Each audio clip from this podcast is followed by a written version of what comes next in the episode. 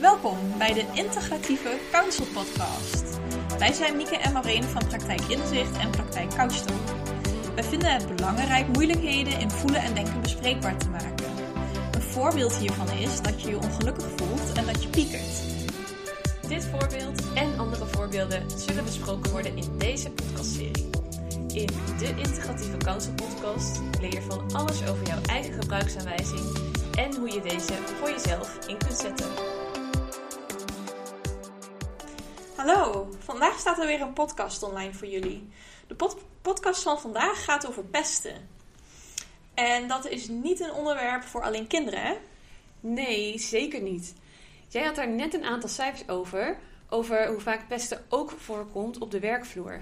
Ja, dat klopt. Volgens het onderzoek van het CNV op 9 september 2020 blijkt dat 26% werkenden te maken heeft met pestgedrag. En dat zijn toch al wel 2,3 miljoen werkenden. Dat is veel. Ja, eh, in alle waarschijnlijkheid zijn er dus nog meer, aangezien dit alleen maar over werkenden gaat. Ja, naar pesten bij kinderen heeft het NJI-onderzoek gedaan in 2014, 2016 en 2018. En gelukkig lijkt er bij de kinderen wel een dalende lijn in te zitten. Eh, zij geven aan dat in 2018 5% van de leerlingen op de middelbare school gepest wordt en 10% van de leerlingen op de basisschool. Ik vraag me wel af of er nu leerlingen een lange tijd thuis zijn geweest door corona hier nog wat in is veranderd. Ja, inderdaad. Bij volwassenen was er eerder ook al sprake van een daling. Maar nu tijdens de crisis blijken de cijfers toch wel weer te stijgen. Ja, ja, nou ja, dat zullen de cijfers over een tijd uitwijzen. Uh, vandaag gaan we stilstaan bij wat pesten is, uh, wat oorzaken van pesten kunnen zijn, wat gevolgen van pesten kunnen zijn en op welke gebieden pesten voor kan komen. Ja, dat zijn een boel onderwerpen. Ja, nou, we hebben de tijd. Ja, zeker. Laten we eens eerst eens kijken naar wat pesten nou precies is. Ja, nou, pesten is in de wetgeving opgenomen in 1994. En voor volwassenen is het pas in de wetgeving opgenomen in de Arbowet in 2007. Een stuk later. Ja. Uh, pesten is een vorm van mishandeling. En dat kan fysiek zijn. Het kan ook psychisch zijn. Of een combinatie daarvan. Mm -hmm. uh, wanneer er sprake is van pesten, zal degene die gepest wordt niet in staat zijn zichzelf te verdedigen. Uh, wanneer dat wel gebeurt, uh, dan kan het pesten ook erger worden. Mm, als ze zich wel verdedigt. Ja, precies. Mm. Uh, degene die gepest wordt, is dan niet bij macht om hier iets aan te doen. En pesten is ook structureel, toch? Mm, wat bedoel je met structureel? Nou, dat het regelmatig voorkomt, dus niet bijvoorbeeld één keer. Um, wanneer er regelmatig gepest wordt, dan spreken we van minstens twee keer per maand.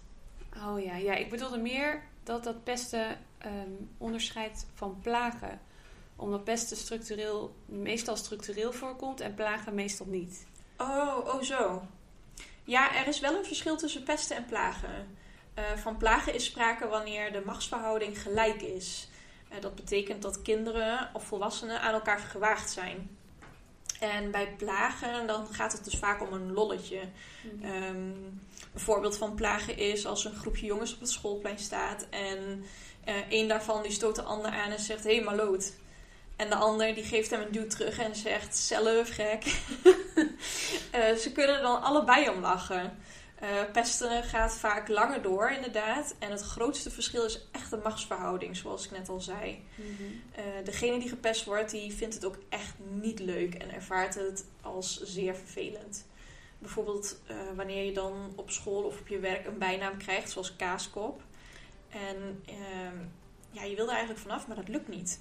Want als je je verveer, verweert en je zegt er wat van, dan gaan ze juist nog harder lachen.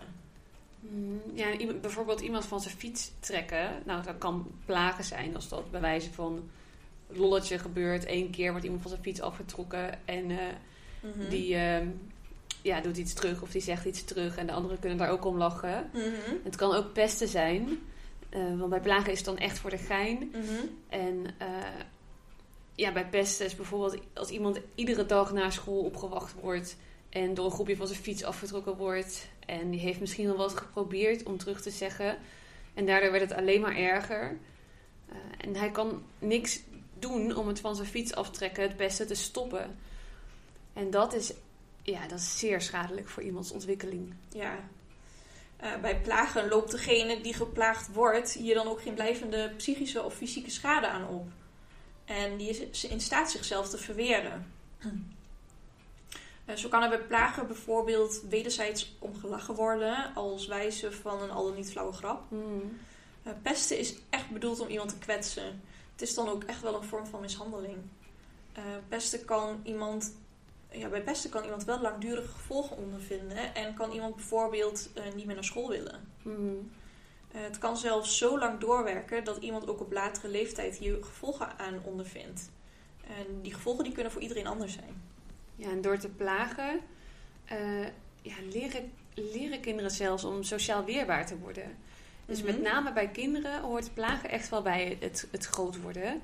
Ja. En voor deze aflevering verder blijven we bij het onderwerp eh, pesten. En pesten is dus wel ja, zeer, zeer schadelijk. Mhm. Eh, wat zijn manieren waarop kinderen en volwassenen kunnen pesten? Ehm, er, is- er kan op verschillende manieren gepest worden, inderdaad. Eh, bijvoorbeeld lichamelijk pesten. Mhm, Het zijn bijvoorbeeld schoppen, slaan, aan kleding trekken of in heftige gevallen eh, zelfs met wapens zoals messen en stokken. Mhm, zeker. Ehm, dan is er ook nog woordelijk pesten. Mhm, ja, dat is wat het woord eigenlijk al zegt met Ja. woorden. Dus vernederen, schelden, dreigen, iemand belachelijk maken. Ja, ja. ja precies. Ehm, maar er is ook bijvoorbeeld ook afpersing. Dus iemand dwingen om geld of spullen af te geven of dwingen om iets voor de ander te doen. Ja, zoals huiswerk bijvoorbeeld. Oh ja, ja. En dan is er ook nog stelen of vernielen. En dat is ook een vorm van pesten. Dus het afpakken van spullen of dingen kapot maken. Ja. Ja, en tot slot is ook het uitsluiten een vorm van pesten. Ja, die is misschien nog wel het minst, minst zichtbaar. Want iemand mag dan bijvoorbeeld steeds niet meedoen met een activiteit. Of er wordt niet op hem of haar gereageerd als hij of zij wat zegt. Ja, en het kan natuurlijk ook een combinatie zijn van verschillende manieren waarop iemand kan pesten. Ja, dat ook nog. Ja, blijft wel echt een heftig onderwerp, pesten. Ja, dat is het. Iemand die kan er ook zo lang last van blijven houden. Mhm. Ja, echt enorm. En hier zei je in het begin al wat over. Pesten kan ook op verschillende gebieden plaatsvinden. Wat bedoelen we daarmee als we het daarover hebben? Ja, dan eh, hebben we het over psychisch pesten of fysiek pesten of een combinatie hiervan. Hmm. En, en wat zijn nou plekken waar pesten veel voorkomt? Eh, pesten kan overal gebeuren, bijvoorbeeld op school of thuis, door gezinsleden of de partner.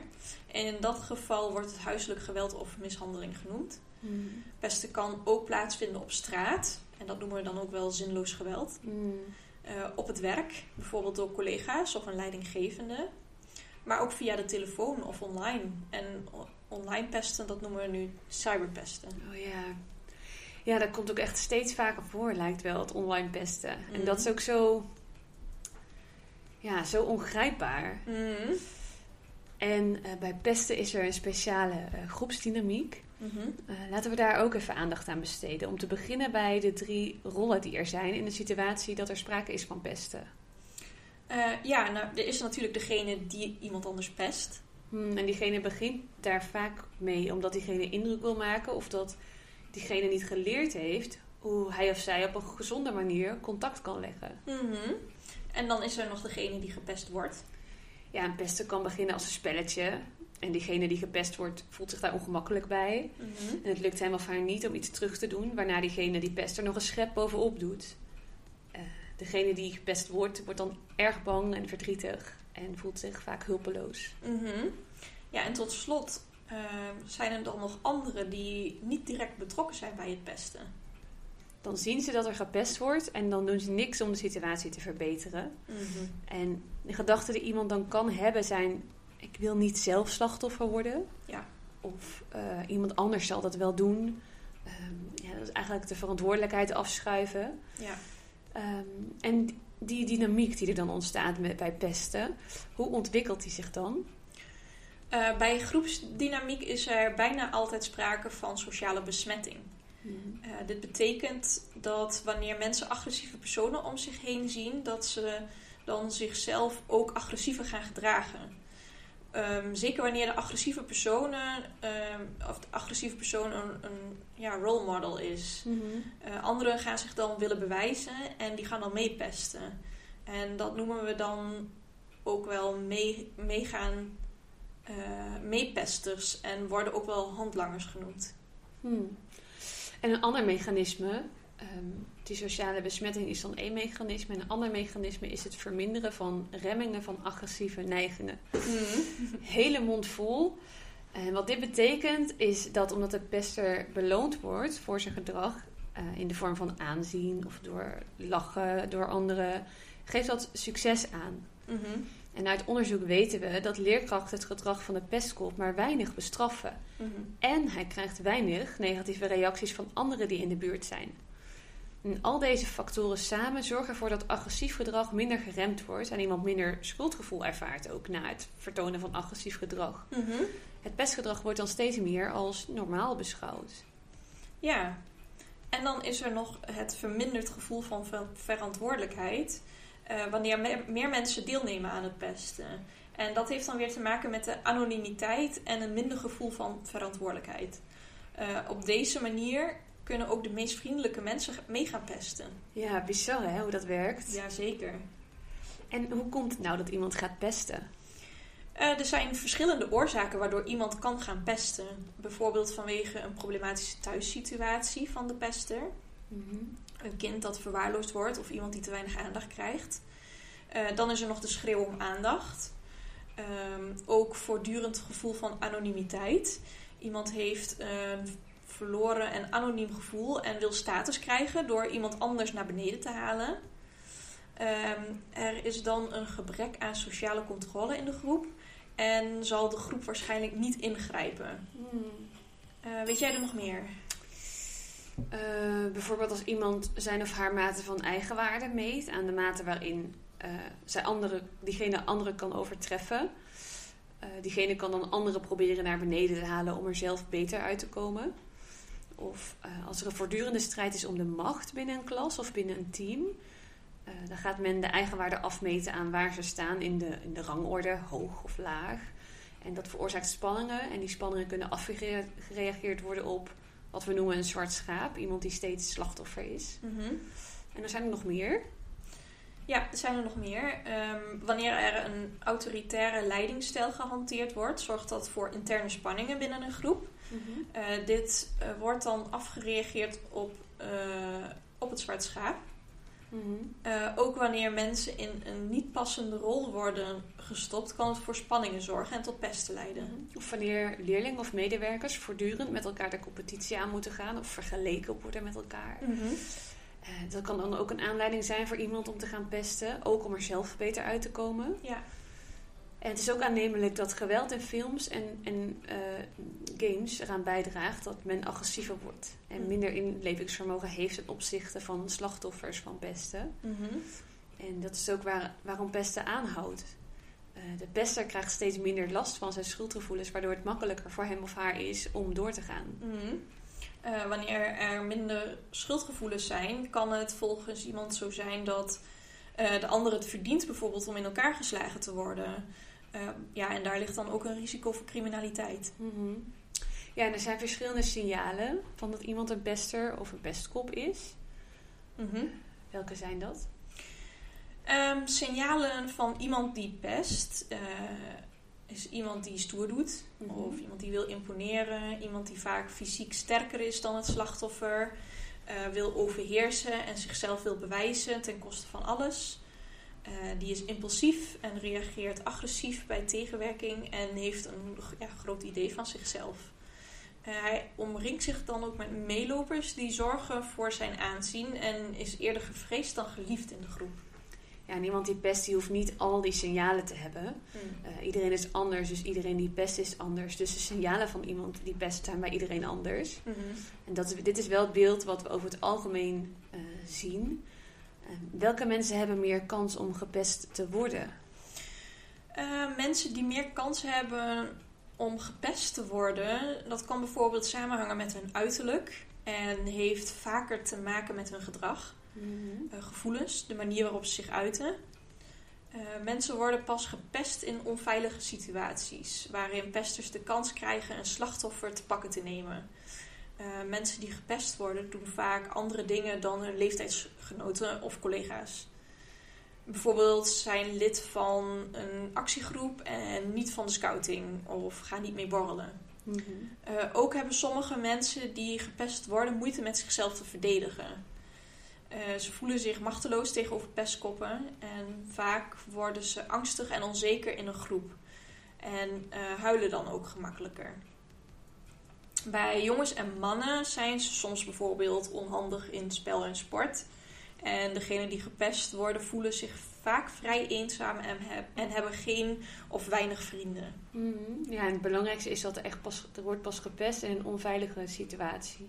Ja, Mhm. Nou, er was een hele rij. Ja, zeker. Wat zijn de signalen voor iemand die gepest wordt? Nou, vaak gaat iemand zich isoleren als iemand gepest wordt van de anderen. Eh, soms met één vriend of vriendin. En iemand die gepest wordt is ook vaak betrokken bij gedoe in de klas of gedoe op de werkvloer. Eh, iemand is vaker afwezig op school of meldt zich ziek op het werk. Eh, kinderen zoeken vaak de veiligheid van de leerkrachten op. En ook psychosomatische klachten komen voor bij mensen die gepest worden. Dus bijvoorbeeld buikpijn, hoofdpijn, misselijkheid. En vaak presteert iemand die gepest wordt minder goed op school of op het werk. En wordt die niet uitgekozen bij het maken van groepjes voor de gym of bijvoorbeeld bij een teamuitje. Eh, er zijn ook signalen die vooral bij kinderen voorkomen. Kan je daar wat over vertellen? Eh, ja, bijvoorbeeld als je als ouder merkt dat er geen andere kinderen komen spelen. Of als een kind aanhankelijk of agressief wordt naar broertjes of zusjes. Ja, net als bij pestkoppen en pester en degenen die gepest worden, eh, hebben ook degenen die met de pester meelopen enkele kenmerken. Mhm. Eh, deze kenmerken die gelden over het algemeen, zeker niet altijd. Eh, zo zijn ze vaak bang om zelf slachtoffer te worden. Ja, en ook denken ze dat ze door stoer gedrag populair kunnen worden in de groep. En bij mij, meiden of vrouwen eh, kunnen mee gaan pesten om een vriendin te behouden bijvoorbeeld. Hmm. Ja, doordat ze dan mee gaan pesten, voelen ze zich niet zo verantwoordelijk voor, dat, voor wat er gebeurt. Want zij Mhm. zijn niet de hoofdpester, dus ja, ze kunnen er niks aan doen. Ook kunnen zij zich goed voelen doordat anderen zwijgen en daarmee instemmen. Eh, zij voelen zich daardoor gesterkt. En de situatie die verandert wanneer de gepeste hulp krijgt van een ander. Of als anderen zeggen dat het pesten moet stoppen. Dan wordt het pesten minder vanzelfsprekend. Mhm. Er zijn ook ontwikkelingsgevolgen aan pesten, die zowel de pester als degene die gepest wordt. Hè? Mhm. Ja, pesten en gepest worden kan zeker gevolgen hebben. En die gevolgen kunnen langdurig zijn. Eh, gevolgen voor iemand die pest kunnen bijvoorbeeld zijn onzekerheid. ehm, niet weten welk gedrag handig is in nieuwe sociale situaties. Zich niet gewaardeerd voelen als persoon. En niet geleerd hebben hoe met agressie om te gaan. En voor degene die pest is ook, dat zei je net al even, het risico om in de criminaliteit te belanden groter. Bijvoorbeeld als iemand steeds minder schuldgevoel ervaart en zijn geweten vermindert. Ja, precies. Dus ook als iemand pest, heeft dat eigenlijk best grote gevolgen in zijn of haar latere leven. Ja, en net als voor degene die gepest wordt. Ja, zeker. Want iemand ehm, die gepest wordt, die kan ons, eh, onzekerheid een gevolg zijn. Een gedachte kan dan zijn, ben ik oké? En als het maar niet opnieuw gebeurt. Een ander gevolg kan zijn dat iemand gaat vermijden in sociale situaties. Iemand kan weinig vriendschappen aangaan of in een sociaal isolement raken. Het kan lastig zijn voor diegene om vrienden te maken. En ook depressie, somberheid of suïcides kunnen een gevolg zijn van mensen die in het verleden gepest zijn of nu gepest worden. Mhm. Ja, echt veel en heftige gevolgen. Wat, eh, wat bedoel je met gaan vermijden in sociale situaties? Eh, bijvoorbeeld wanneer er sociale gebeurtenissen zijn, zoals een verjaardag of een feest.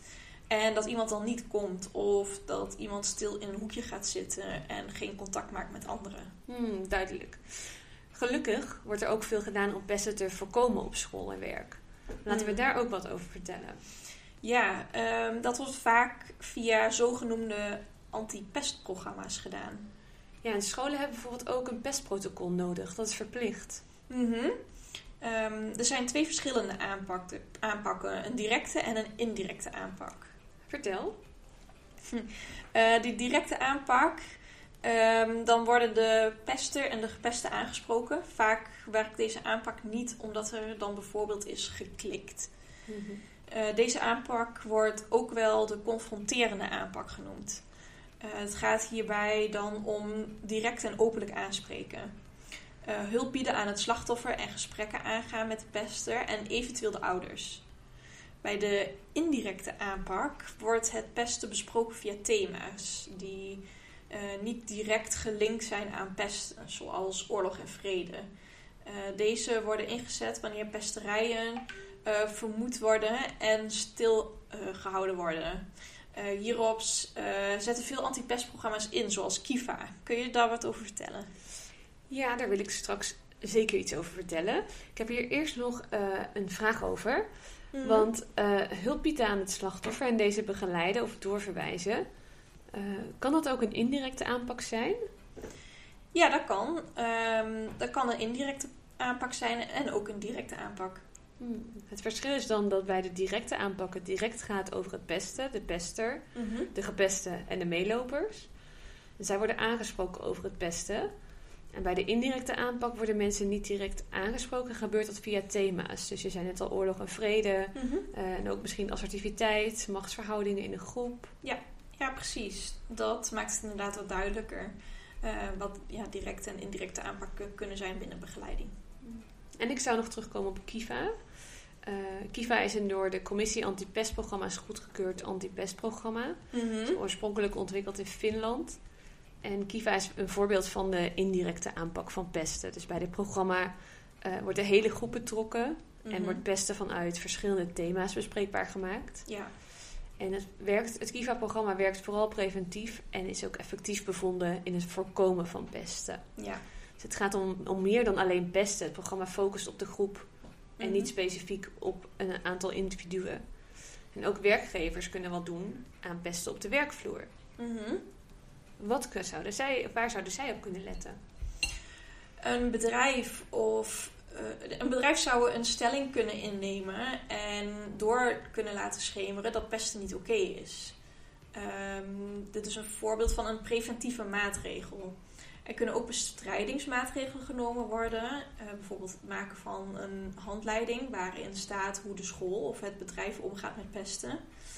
Uh, docenten stimuleren en gelegenheid geven om pesten effectiever te hanteren.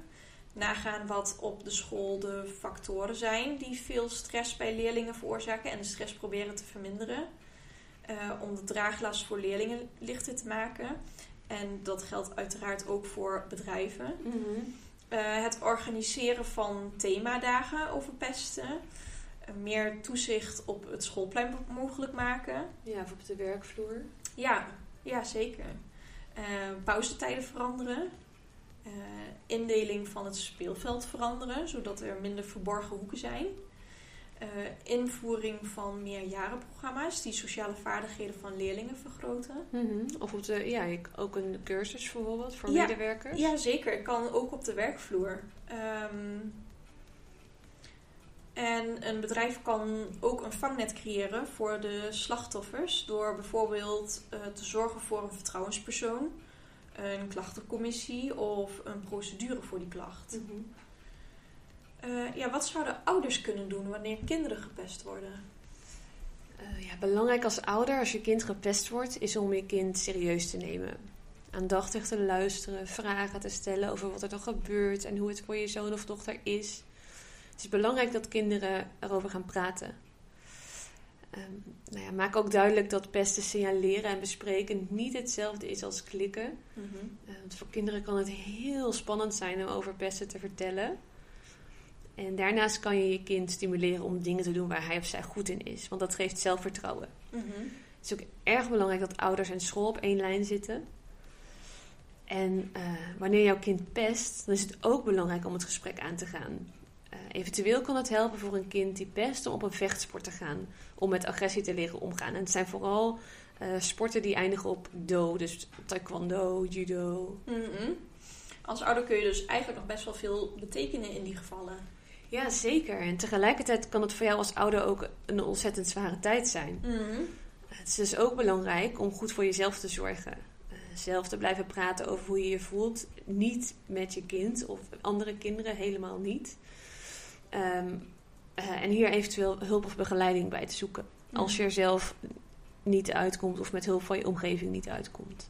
Ja, absoluut. En ook als volwassene die pest of gepest wordt, is het belangrijk om erover te praten. Ja, zeker. We kunnen niet vaak genoeg zeggen: praten over pesten is zeker niet hetzelfde als klikken. Ja.